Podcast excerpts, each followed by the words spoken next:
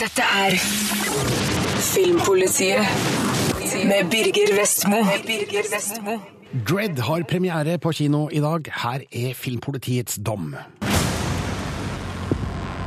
800 million people living in the ruin of the old world. Only one thing fighting for order in the chaos.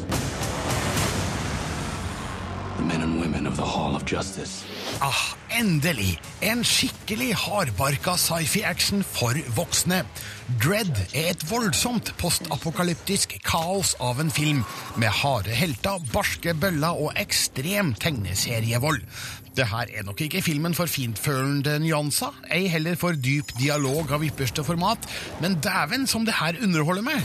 Dread er et etterlengta utbrudd av B-filmtestosteron på et nærmest latterlig nivå. Den ser utrolig bra ut, og jeg har følelsen av at reprisefaktoren blir relativt høy. Judgment time. De eneste som kan opprettholde orden i fremtidsbyen Megacity One, er bevæpnede dommere med rett til å henrette forbrytere på stedet.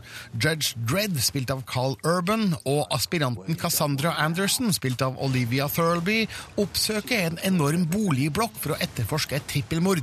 Sporene peker mot den brutale narkodronninga Mama, spilt av Lena Headey, i øverste etasje. Hun stenger av hele blokka og sender alle sine styrker etter dem. We're gonna have to go through him. Rookie, you ready? Yeah. You look ready. Regissør Pete Travis, kjent for Vantage Point og Endgame, forteller denne historien med et imponerende arsenal av filmtekniske triks. Skildringa av en fremtidsverden, tynga av forurensing, overbefolkning og kriminalitet, er overbevisende. Ikke alt er realistisk spådd, men det ser bra ut innafor denne filmens tegneserieprega ramme. Spesielt kult er visualiseringa av historiens narkotiske stoff, slow-mo, som får menneskehjernen til å oppleve virkeligheten i 1% hastighet. Du vil ikke tro hva Travis bruker det her til. Flere oh shit-øyeblikk venter deg. Dersom du allerede har sett den indonesiske filmen The Raid Redemption, vil du kanskje tro at Dredd er en skamløs kopi. Handlinga er nemlig mer eller mindre den samme. Men Dredd ble faktisk innspilt først. Uansett syns jeg at handlinga er bedre, og at stemninga er mer fortetta. Figurene er voldsomt karikerte og todimensjonale, men det er helt på sin plass i denne filmen. Carl Urban tar aldri av seg hjelmen, i motsetning til Sylvester Stallone i filmatiseringa fra 1995, og er dermed nærmere grunnlaget fra den originale tegneserien Judge Dredd som starta i 1977. Urban spiller rollen uten hint av sjølironi, i tråd med serieversjonen. Judgment time. Let's finish this. Dredd får kanskje aldri et universelt klassikerstempel. Til det er denne figuren kanskje litt for smal. Det kan være vanskelig å knytte seg til en humørløs heltefigur som aldri tar av hjelmen, snakker med en nær parodisk dyster røst og ikke er i nærheten av en personlig utvikling gjennom historien som fortelles. Men jeg omfavner Dreads hardbarka tone, den underliggende satiren og den kompromissløse tilnærminga til råmaterialet den bygger på. Det her er den tøffeste sci-fi-actionfilmen på lenge. Sentence is death. Dette er Filmpolitiet på P3. My name is Bond. Bond. Bond. Bond. Bond. James Bond. James Bond har en helt spesiell plass i mitt brennende filmhjerte. Da jeg var tolv, ble alle filmene fra Dr. No til Octopussy vist som en søndagskavalkade på bygdekinoen, som ikke var så nøye på det her med aldersgrensa. Jeg ble dermed introdusert for en spennende verden med tøffe agenter, farlige spioner, pene damer, feite biler, storslått action, og jeg satt i salen med stadig større øyne og breier glis. Noen filmer er klassikere, andre er solide, noen få er middelmådige, men aldri kjedelige. Nå er samtlige samla på Blu-ray for første gang, og sjøl om kvaliteten varierer, så er det her en skattkiste med filmhistorie. You okay, James? Where's your butler friend? Oh, he blew a fuse. Denne anmeldelsen gjelder først og fremst Blu-ray-boksen, ikke de individuelle 22 filmene. De kommer i en innpakning som ikke får plass sammen med dine andre Blu-ray-filmer, den passer best på egen plass i hylla. Inni den finner du to tykke bøker med stive permer og sider, den ene med filmene fra 1962 til 1981, den andre med filmene fra 1983 til 2012, samt en bonusdisk. Du hørte jeg sa 2012, det er nemlig også laga en plass til den kommende Bond-filmen Skyfall, som har kinopremiere 26. oktober og slippes på Blu-ray neste år. You look pale, Mr. Bond. I hope I didn't frighten you. Well, you see, I've always been a nervous passenger. De to bøkene er smakfullt utforma med bilder fra de respektive filmene. Jeg liker at alle skuespillerne og epokene presenteres på likt grunnlag. Det gjøres ingen forskjell på for eksempel Sean Connery og George Lazenby i billedmaterialet. Men jeg savner tekst. Her er det plass til både sitater, anekdoter og teknisk basisinfo om filmene. Det burde vært med. Blu-ray-diskene ligger i egne lommer, greit og oversiktlig, men det er litt pirk å få dem ut. Her hadde jeg foretrukket en låsefunksjon som i et vanlig Blu-ray-cover. Tell me what you know of James Bond. He's a double O, and a wild one. Charming, sophisticated secret agent. Jeg har ikke sett alle filmene i sin helhet på Blu-ray, men jeg har gjort stikkprøver, og billedkvaliteten er svært god. De nyeste ser selvsagt best ut, men også de aller eldste Bond-filmene ser ut til å ha vært godt restaurert for utgivelse på Blu-ray. Fargespekter, detaljnivå og dybdefølelse er mer enn godkjent. Også lyden virker svært god, sjøl på 60-tallsfilmene, og jeg har ingen betenkeligheter med å godkjenne den tekniske kvaliteten med god margin. Well, that doesn't give us a lot of time? I tillegg til de 22 filmene er det rundt 130 timer med ekstrastoff i boksen. Det meste er henta fra tidligere DVD-utgivelser, men har samme verdi nå som da. Du får små dokumentarer, kommentarspor, musikkvideoer og mye mer. Paul, what do you think you're doing? Keeping the British hand up, sir. Det er likevel én ting jeg savner, nemlig den virkelig store James Bond-dokumentaren. Den som undersøker fenomenet og hvordan det har greid å holde seg levende gjennom de siste 50 åra. Men i stedet for å klage på hva som ikke er med, la meg rose det som er med. 22 eventyrlige actionfilmer med fart, spenning og eleganse. Du kan nyte alt i så godt som feilfri HD, og fordype deg i Bond-universet med det eksisterende ekstrastoffet. Bond 50 er en dyr boks, rundt 1700 kroner i Norge, men delt på 22 er det 77 kroner per film.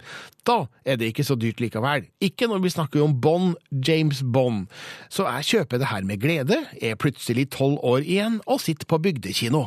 That gun looks more fitting for a woman. Do you know much about guns, Mr. Bond? No, I know a little about women.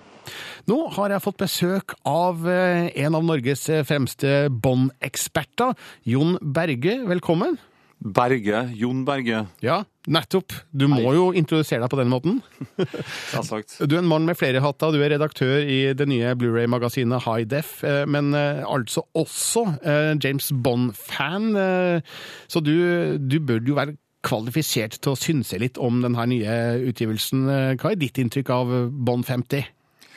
Jeg har gledet meg veldig spesielt til de ni filmene som tidligere ikke har vært ute på Blu-ray. De får du nå for første gang i boksen. da.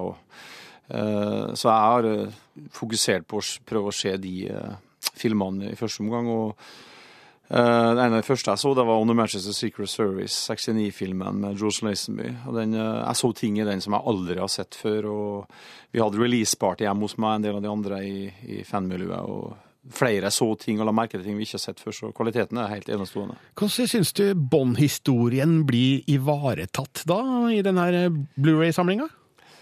Ja, jeg syns uh, restaureringa er det viktigste. Altså At vi får en, en bilde- og lydkvalitet vi aldri har sett før. Fordi det er klart, alle er jo klar over at disse filmene har vært gjenutgitt gang på gang på gang. Og i veldig mange DVD-bokser også uh, allerede, da. Så det er det som teller nå for meg. Uh, veldig hyggelig at alt ekstramaterialet fra de forrige uh, DVD-spesialgavene er med, selvsagt. Og at det er en par nye store dokumentarer. Og så nevnte jo du i anmeldelsen den nye dokumentaren 'Everything or Nothing'. Den vil jo sikkert komme i en egen Blu-ray senere i, vinter eller neste år. Dette er jo en dyr boks, som jeg var inne på. 1700 kroner går den for her i Norge. Det, det, det er kostbart. Er det verdt det, syns du? Ja, definitivt. Det syns jeg. det Altså, Kvalitet bør koste, og dette er tross alt på Blu-ray som er det beste videoformatet vi har. Og jeg vil også understreke at HD er ikke bare HD, men det er et begrep som brukes overalt, men det er kun på Blu-ray, det fysiske formatet du får den beste HD-kvaliteten. da. Og ikke minst det er HD-lyd, og lyden er også helt rå på, på alle disse filmene.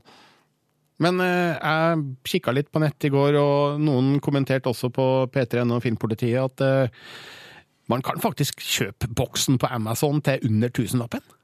Ja, det, er frakt og moms og, tollavgifter på alt man bestiller over 200 kroner i Norge. Og alle er jo klar over at det, er de fleste varene som kan kjøpes i Norge. Men igjen, folkens, vi lever i Norge. Det er et høykostland, og folk som eh, driver butikker skal også tjene penger. og det er det er bare sånn at ting er dyrere i Norge, men det er klart man eh, klarer alltid å skaffe ting billigere hvis, hvis man absolutt ikke vil eh, støtte den lokale industrien. da. Men tror du Bond 50 blir skal vi si, allemannseie, eller eh, blir dette kun for blodfansen? Det som er så fint nå med Blu-ray, at Blu-ray er i ferd med å bli allemannseie. Du selges nesten ikke DVD-spillere lenger. Skal du kjøpe deg en ny spiller, så er Blu-ray som teller, og den spiller som kjent også CD-er og DVD-er, så man slipper å tenke på dette med formatproblematikk. Uh, nå er det et sted mellom 25 og 50% av nyhetene som selger, selges i Blu-ray av nye filmer. Og når det gjelder katalogtitler, så er det sånn som i fjor fikk vi jo Star Wars-boksen, nå har vi Indiana Jones-boksen og James Bond-boksen. Det er titler som katalogmessig trekker opp markedet. og får, Jeg er sikker på at uh, veldig mange som ikke har hatt Blu-ray fra før av, vil nå ønske seg Blu-ray uh, blant James Bond-fansen i alle aldre. Aner et visst julegavepotensial her? Definitivt. Eh, og det er ikke så mange tilgjengelige eksemplarer av boksen i første omgang. Det skal jo være litt eksklusivt og eh, limited, som det kalles på fagspråket. Mm. Så, men de får jo tak i flere igjen, og selvfølgelig, du nevnte at man kan jo få tak i via utlandet. Så, men også at det blir en veldig fin gaveidé, dette, og jeg er sikker på at eh, mange vil glede seg over boksen. Hvorfor, hvorfor elsker vi James Bond? Jeg kan ikke svare for alle nordmenn, men jeg kan svare på hvorfor jeg elsker James Bond. Jeg har et 25 eh, års eh, langt kjærlighetsforhold til figuren og stemninga disse filmene gir meg. Og det var musikken som brakte meg inn i James Bond, for jeg var lidenskapelig a-ha-fan, som veldig mange andre nordmenn var på 80-tallet. Og da gledde jeg meg veldig til å høre den nye låta, da, som skulle vært tittellåta til The Living Daylights. Så det å se den på kino oppleve den sangen, forteksten, og da se Timothy Dalton, som, som jeg da skjønte etter hvert var en helt annen James Bond enn forgjengeren. Det, det satt dype spor i meg. Da meldte jeg meg inn i den engelske fanklubben, og så har det bare balla på seg. Ja, Og eh, du har selvfølgelig sett eh, alle filmene? Ja, selvfølgelig. Ja. Da kommer vi jo selvfølgelig frem til det uunngåelige spørsmålet. da. Hvilken Bond-film er best? Ja, det blir ofte for en person den første man opplever det. Og det, for meg er det The Living Daylights med Timothy Dalton, som jeg også syns er den beste skuespilleren som har spilt James Bond. Ja, han var en undervurdert eh, Bond, var han ikke?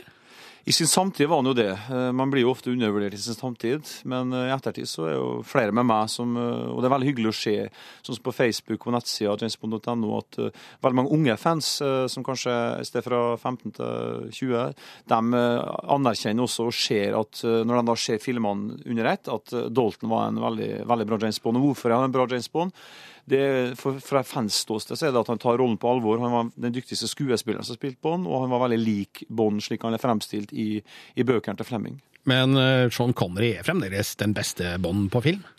Veldig mange mener det. Uh, han definerte jo rollen og fikk jo sånn sett uh, satt på en måte malen, men det folk flest glemmer, er jo på en måte at det er jo ikke Connery alene som skapte James Bond. Det var mange bak, viktige bakmenn der.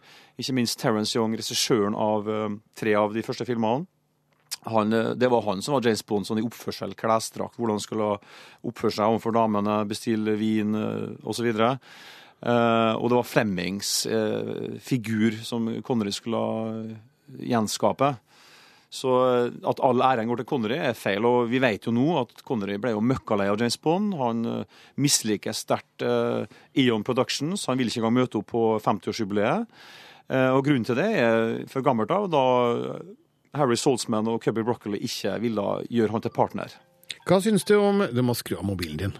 Den er av. Bra. Du, hva syns du om eh, Daniel Craig nå, da? Altså, er han fremdeles eh, Er James Bond fremdeles i levende livet? Craig uh, har jo rent sånn på papiret gjort uh, bra uh, figur. filmene er jo en stor suksess økonomisk sett.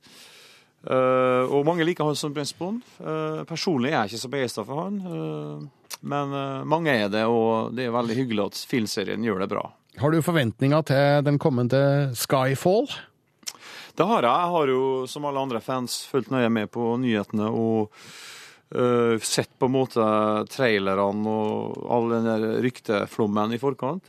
Det virker veldig lovende. Jeg syns fotograferinga etter trailerne og dem virker veldig lovende, og at det har en slags thrilleratmosfære. Uh, ja, jeg har forhåpninger til at det blir en veldig god film, og det trenger vi. For den forrige, 'Quantum of Solace', var helt katastrofalt dårlig, og jeg vil ikke engang anse det som en James Bond-film.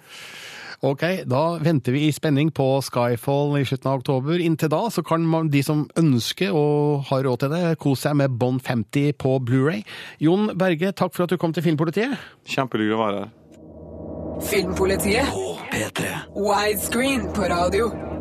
I can't just have some psychopathic murderers getting to the vault before I do. I mean, don't get me wrong, it's cute that y'all think you're the heroes of this little adventure, but you're not. Belønning er en viktig del av spill. I noen spill er det her mer lågmælt, mens i andre så er det veldig tydelig. I Borderlands 2 så låser du opp en boks fullt av en sofistikert, tilfredsstillende mekanisk lyd, for kista åpner seg og presenterer deg med et smørgåsbord av deilige våpen. Hvis Diablo 3 var pure loot 6, så er Borderlands 2 pure loot porn. Welcome to Pandora, kiddos. Siden Borderlands 1 har planeten Pandora fått et lite stikk av sivilisasjon. Handsome Jack har slått seg opp som enehersker i det avsidsliggende samfunnet og tjent seg styrtrik på innhøsting av det sjeldne mineralet eridium, som fløymde over planeten etter åpninga av hvelvet i det første spillet. Sammen med ryktet om flere hvelv har hvelvjegerne dukka opp igjen, og det er her du kommer inn i bildet. Well, come and get. Som en av fire helter kan du slå deg opp i verden for å stoppe Handsome Jack sin plan og finne ut hva innholdet i hvelvet er. I større grad enn før virker det her fire å spille på lag med hverandre. Spillet er artig alene, men skinner virkelig når en får samarbeide med andre, enten venner eller tilfeldige motstandere over nettet. Fiendene er akkurat så mye smartere denne gangen at det er lurt med litt taktisk samspill.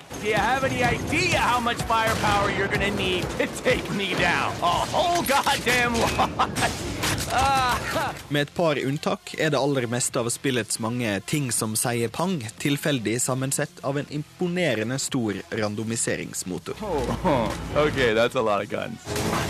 Det her blir eh, raskt et luksusproblem i en verden der ryggsekken din bare har plass til tolv våpen. Vil du ha en pistol som tar mye skade, men som et kuler som om det var smågodt? Eller kanskje en maskinpistol som skyter eksploderende kuler som spruter lilla gugge over alle i nærheten? Før eller senere vil du finne et våpen for deg, uansett hva merkelig spillestil du skulle gå for. A deadly shot from nowhere. Men det er i sideoppdraga spillets beste side ligger. I skitne bakgater, på en isbre eller mellom sandsteinsøyler i ørkenen. Her får du ferda ut leiesoldatkontrakter på deg sjøl, eksistensielle samtaler med roboter og biologisk navngivning på ting som egentlig vil ete deg. Blant de mange du møter langs veien, er faktisk Claptrap min favoritt. Roboten som redder deg i starten av spillet, og dermed mener at du står han i evig gjeld. Den lille skraphaugen uten indre tankeprosess lirer av seg deprimerte og skremte gullkorn, til tross for en alltid like positiv røyst. Han blir derfor et ypperlig symbol på Pandora, som sjøl med sitt eh, dystopiske utfall er en fargesprakende og karakteristisk verden. Minst halvparten av gleda i Borderlands 2 kommer fra jaget etter det neste sofistikerte, tilfredsstillende klikket. Og mitt nye favorittvåpen er alltid, potensielt, like rundt hjørnet. Pandora's changed. Are you ready? Dette er Filmpolitiet på P3.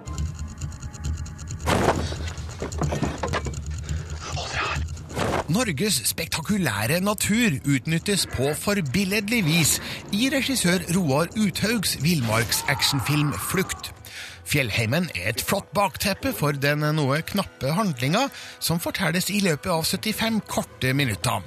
Jeg hadde ønska et sterkere fokus på figurene i filmen, spesielt den unge heltinna Signe. Hennes forvandling fra uskyldig ungjente til drapsmaskin skjer i overkant kjapt, men filmen underholder godt og har en iskald Ingrid Bolse Berdal i en tøff skurkerolle.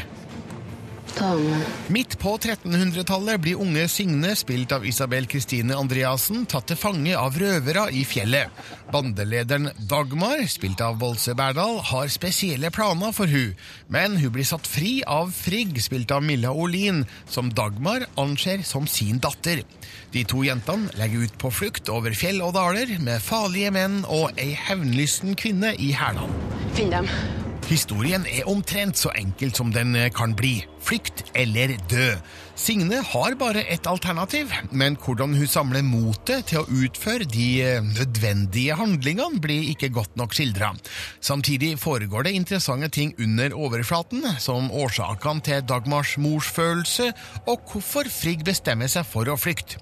Jeg føler likevel at det blir knapt med dialog til å forklare og utdype figurene. Jeg blir aldri kjent med dem.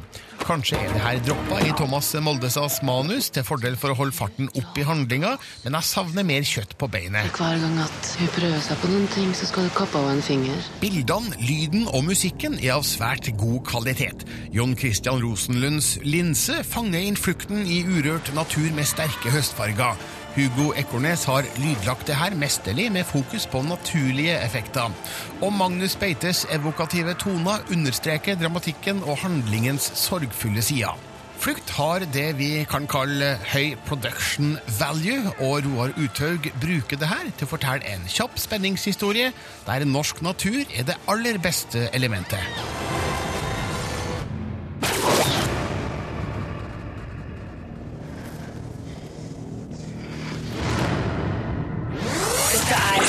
Filmpolitiet på P3.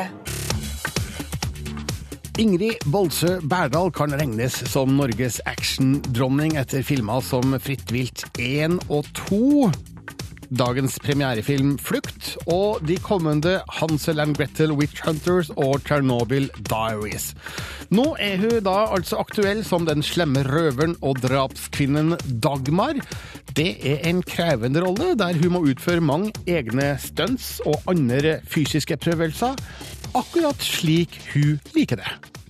Det å få um, sånne tekniske oppgaver syns jeg jo er kjempeartig. Jeg blir jo veldig glad i å øve meg. Uh, og til flukt så sprang jeg opp i skogen i full mundur uh, med den armbrøsten og sneik meg rundt og, og, og lata som jeg skulle skjøte sauer sånn borti. Uh, så det handler jo om, om mengdetrening. Jeg er fra bygda vokste opp med å klatre opp i sånne tre og ramle og slå meg. og Uh, liker jo ut og fiske, det er det beste jeg gjør. Altså sånn det, Ja. Få brukt kroppen. Jeg liker jo det veldig godt. I den aktuelle actionfilmen 'Flukt', som foregår i 1300-tallets Norge, spiller hun den grusomme og utstøtte røverdronningen Dagmar. Og denne rollen har ikke bare vært fysisk krevende. Det er jo noe med å forstå litt det mennesket man skal spille. Og her fikk jeg da forelagt en kvinne som dreper barn, og uh, som er leder for en gjeng svære menn midt på 1300-tallet. Uh, men er veldig sånn beskyttende for et, et, sitt eget barn. Og det, var, og det var så mye brutalitet, og jeg forsto ikke psykologien i det. Da. Så jeg måtte jo ta Jeg tok jo med uh, historier til en psykiater rett og slett og sa sånn Du, her skal jeg spille en dame som dreper barn og som dreper for fote. og uh, Hun har opplevd sånn og sånn i fortida si. Og, og, da fikk jeg jo en slags diagnose å forholde meg til. Narsissistisk personlighetsforstyrrelse med dyssosiale trekk, tror jeg det var vi endte opp med. Målet om å gjøre rollene hun spiller troverdige, gjør at hun går langt for å forstå og tolke karakterene sine. Kom og gå. Oh, vær så god. Hvis jeg hadde møtt deg under innspillingen, hadde du vært litt Dagmar da? Nei, altså Jeg har jo gått gjennom en prosess i forhold til hvor tungt man skal gå inn i ting, og hvordan man skal eh, koble ut. Og jeg har jo hatt Altså opplevd at det har blitt veldig slitsomt. F.eks. en sånn film som De gales hus, hvor jeg spilte en eh, tungt deprimert jente eh, som gikk rundt med selvmordstanker og, og, den typen sjanger. Da var det mye vær, syns jeg. Og Fritt vilt 2 òg syns jeg var vær Fordi hun var så traumatisert. Det ble jeg sliten av. I det siste så har jeg prøvd å koble av mer innimellom. da. Kose meg mer underveis. For å bevare min egen mentale helse. Dette er Filmpolitiet med Birger Vestmo. Og hva syns jeg så om premierefilmen Utviklingsslaget? Vel So, I have some news. Dale asked me to marry him. That's insane. I det første kvarteret av utviklingsslaget vurderte jeg seriøst å gå. Skulle jeg virkelig gidde å sitte gjennom 1 time og 40 minutter med det her? Figurene virka plagsomme, historien intetsigende, og jeg så ingenting verdt å bruke tid på. Men så begynte noen av figurene å interessere meg. Det skjedde en utvikling som gjorde det her til noe i nærheten av en spiselig underholdningskomedie, men det er for lite og for seint. Det her er sex og singelliv for rølperøkla. Jane Austen novel on crack. Fire gamle venninner gjenforenes i New York når den ene skal gifte seg. Regan, spilt av Kirsten Dunst, er bryllupsplanleggeren som ikke er komfortabel med at Becky, spilt av Rebel Wilson, gifter seg før hun. Jenna, spilt av Lizzie Caplan, og Katie, spilt av Isla Fisher, er fremdeles single partyjenta som sniffer kokain. Men gjennom kvelden og natta før bryllupet skal det skje en hel del som forandrer fremtidsutsiktene til flere av dem.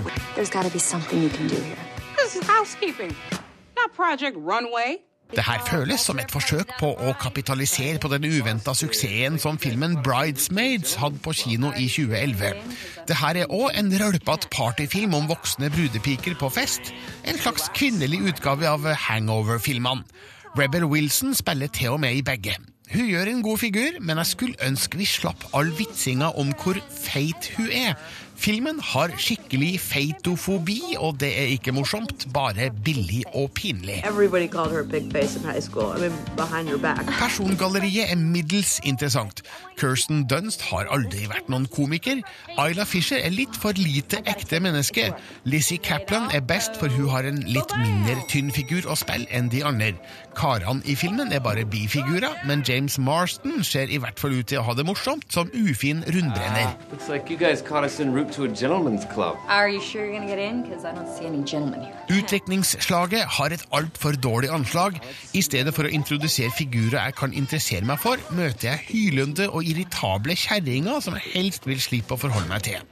Det er først halvveis ut i filmen at det dukker opp sider ved dem som jeg finner interessante, men da er det allerede litt for seint. Og mot slutten er spenningsmomentet hvorvidt brudepikene rekker å gjøre klar brudekjolen i tide eller ikke.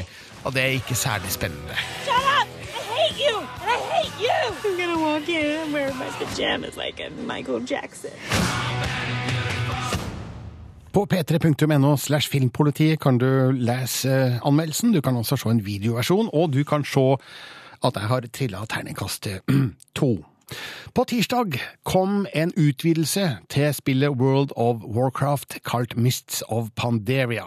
Og det har Marte Hedenstad testa, og da vet vi hva du har gjort denne uka, Marte. Ja, det har jeg sittet i mange timer med til nå. Du, vi har litt eh, lyd her fra eh, Mists of eh, Panderia. Why do we fight? To protect home and family. To preserve balance and bring harmony. Ja. Pompøst eh, så det hele, det her. Men, men eh, aller først, eh, for de som ikke har spilt World of Warcraft, kan vi si veldig kort hva er det for noe? Altså, det er jo et såkalt MMORPG, et massivt multiplayer online role-playing game, bare sånn veldig enkelt forklart. Ja.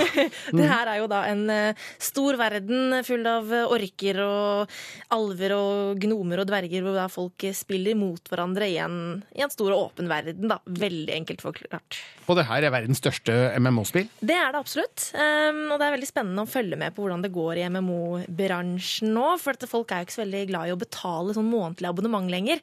Så det er jo Vov da, som på en måte er det eneste store som står igjen omtrent, eh, som har det. Og nå altså med en ny utvidelse kalt Mists of Pandaria. Hva betyr utvidelse i denne sammenhengen? Jo, så Det betyr jo da at da du har fått nye store landområder eh, å bevege deg på, eh, med masse nye oppdrag, ny spennende historie. Du har en ny rase, som er da pandaren, som er en slags eh, kjempestor pandabjørn, egentlig. Mm. Um, og så er det da selvfølgelig masse nye dungeons, altså hendelsesområder, der du skal slåss mot store monstre i grupper og sånne ting. Så det er veldig mye nytt, og veldig mye gøy.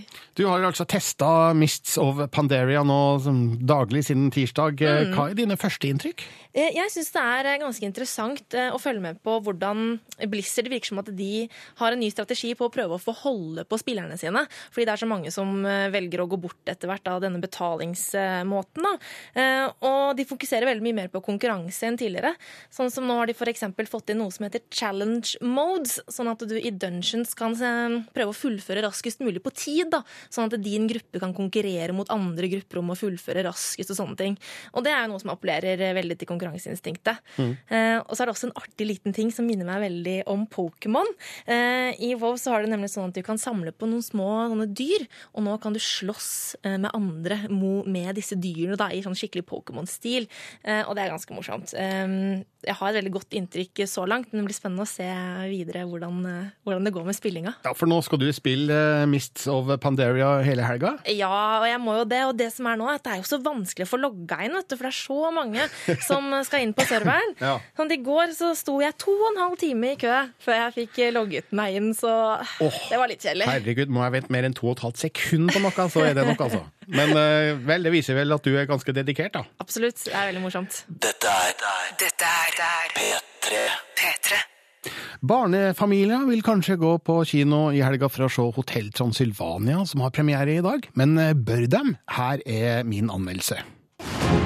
Ever since she was born, I've wanted to protect my little ghoul. So I created a place where all monsters could be safe. From them! Humans hate us. They're vicious, and they're very loud. Husker du Monsterbedriften? Pixar-filmen om en verden av monstre som settes på hodet når et menneske trer inn i det. Her kommer Hotell Transylvania, en Sony Animation-film om en verden av monstre som settes på hodet når et menneske trer inn i det. Og sjøl om resten av historien ikke er kliss lik, føles det her likevel som en kopi av en bedre film du har sett før, med utdatert humor, uminnelige figurer og en glatt digital strek som kjeder meg. Housekeeping! Grev Dracula er ikke hva han en gang var. Hans første prioritet nå er å beskytte dattera Mavis fra den skumle verden. Samtidig driver han hotell på slottet sitt som et fristed for ferierende monstre. Men så ramler en potensiell katastrofe inn døra i form av backpackeren Jonathan. Dracula må forsøke å skjule hans menneskelighet for gjestene, samtidig som han må ødelegge datteras utforskertrang og Jonathans interesse for hun. Whoa, what's your name? My name's Mavis. Regissør Gendy Tartakovsky forsøker å holde handlinga så manisk og panisk at du ikke skal legge merke til at handlinga egentlig er ganske tam. Det pøses på med reservehumor fra innerst i skuffen, figurer som snakker veldig, veldig fort, og fysiske gags som ikke rekker å avsluttes før den neste begynner. Barna, filmens fremste målgruppe, vil sikkert like det de ser, men de vil ikke vite hvorfor. Her er det snakk om å holde interessen opp ved hjelp av inntrykksoverdrivelser. Hotell Transylvania vil sannsynligvis underholde de minste, men for meg er det litt for åpenbart at den låner vilt fra monsterbedriften, inklusive grunnhistorien, gelémonsteret, monsteret du bare ser beina av, og krediteringa til Production Babies på rulleteksten. Men noe av låninga fungerer. Det er veldig morsomt når man i den norske dubbinga hyller Reidar Morseth fra trimprogrammet Strekken på NRK Radio i gamle dager. Så høydepunktene fins, men de er for få. What is wrong with you people?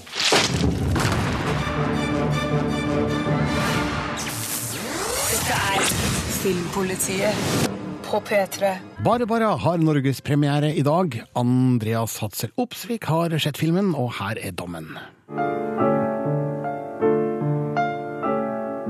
Das ist Frau Dr. Wolf. Sie arbeitet ab heute hier bei uns in der Kinderchirurgie. Det er sikkert vanskelig nok å bli slitt mellom to menn, om en ikke skal bli slitt mellom to land òg. Barbara, årets tyske Oscar-kandidat, omhandler et velkjent tema i film, med den nest mest omtalte perioden i tysk historie som bakteppe. Filmen er kanskje litt vel gjerrig på detaljene, men med sterkt skuespill får vi se hvordan delinga av Tyskland påvirker òg den vanlige mann på landsbygda, og ikke bare sentrale strøk i Berlin. Barbara har blitt forvist til det hun litt nedsettende kaller provinsen i Øst-Tyskland.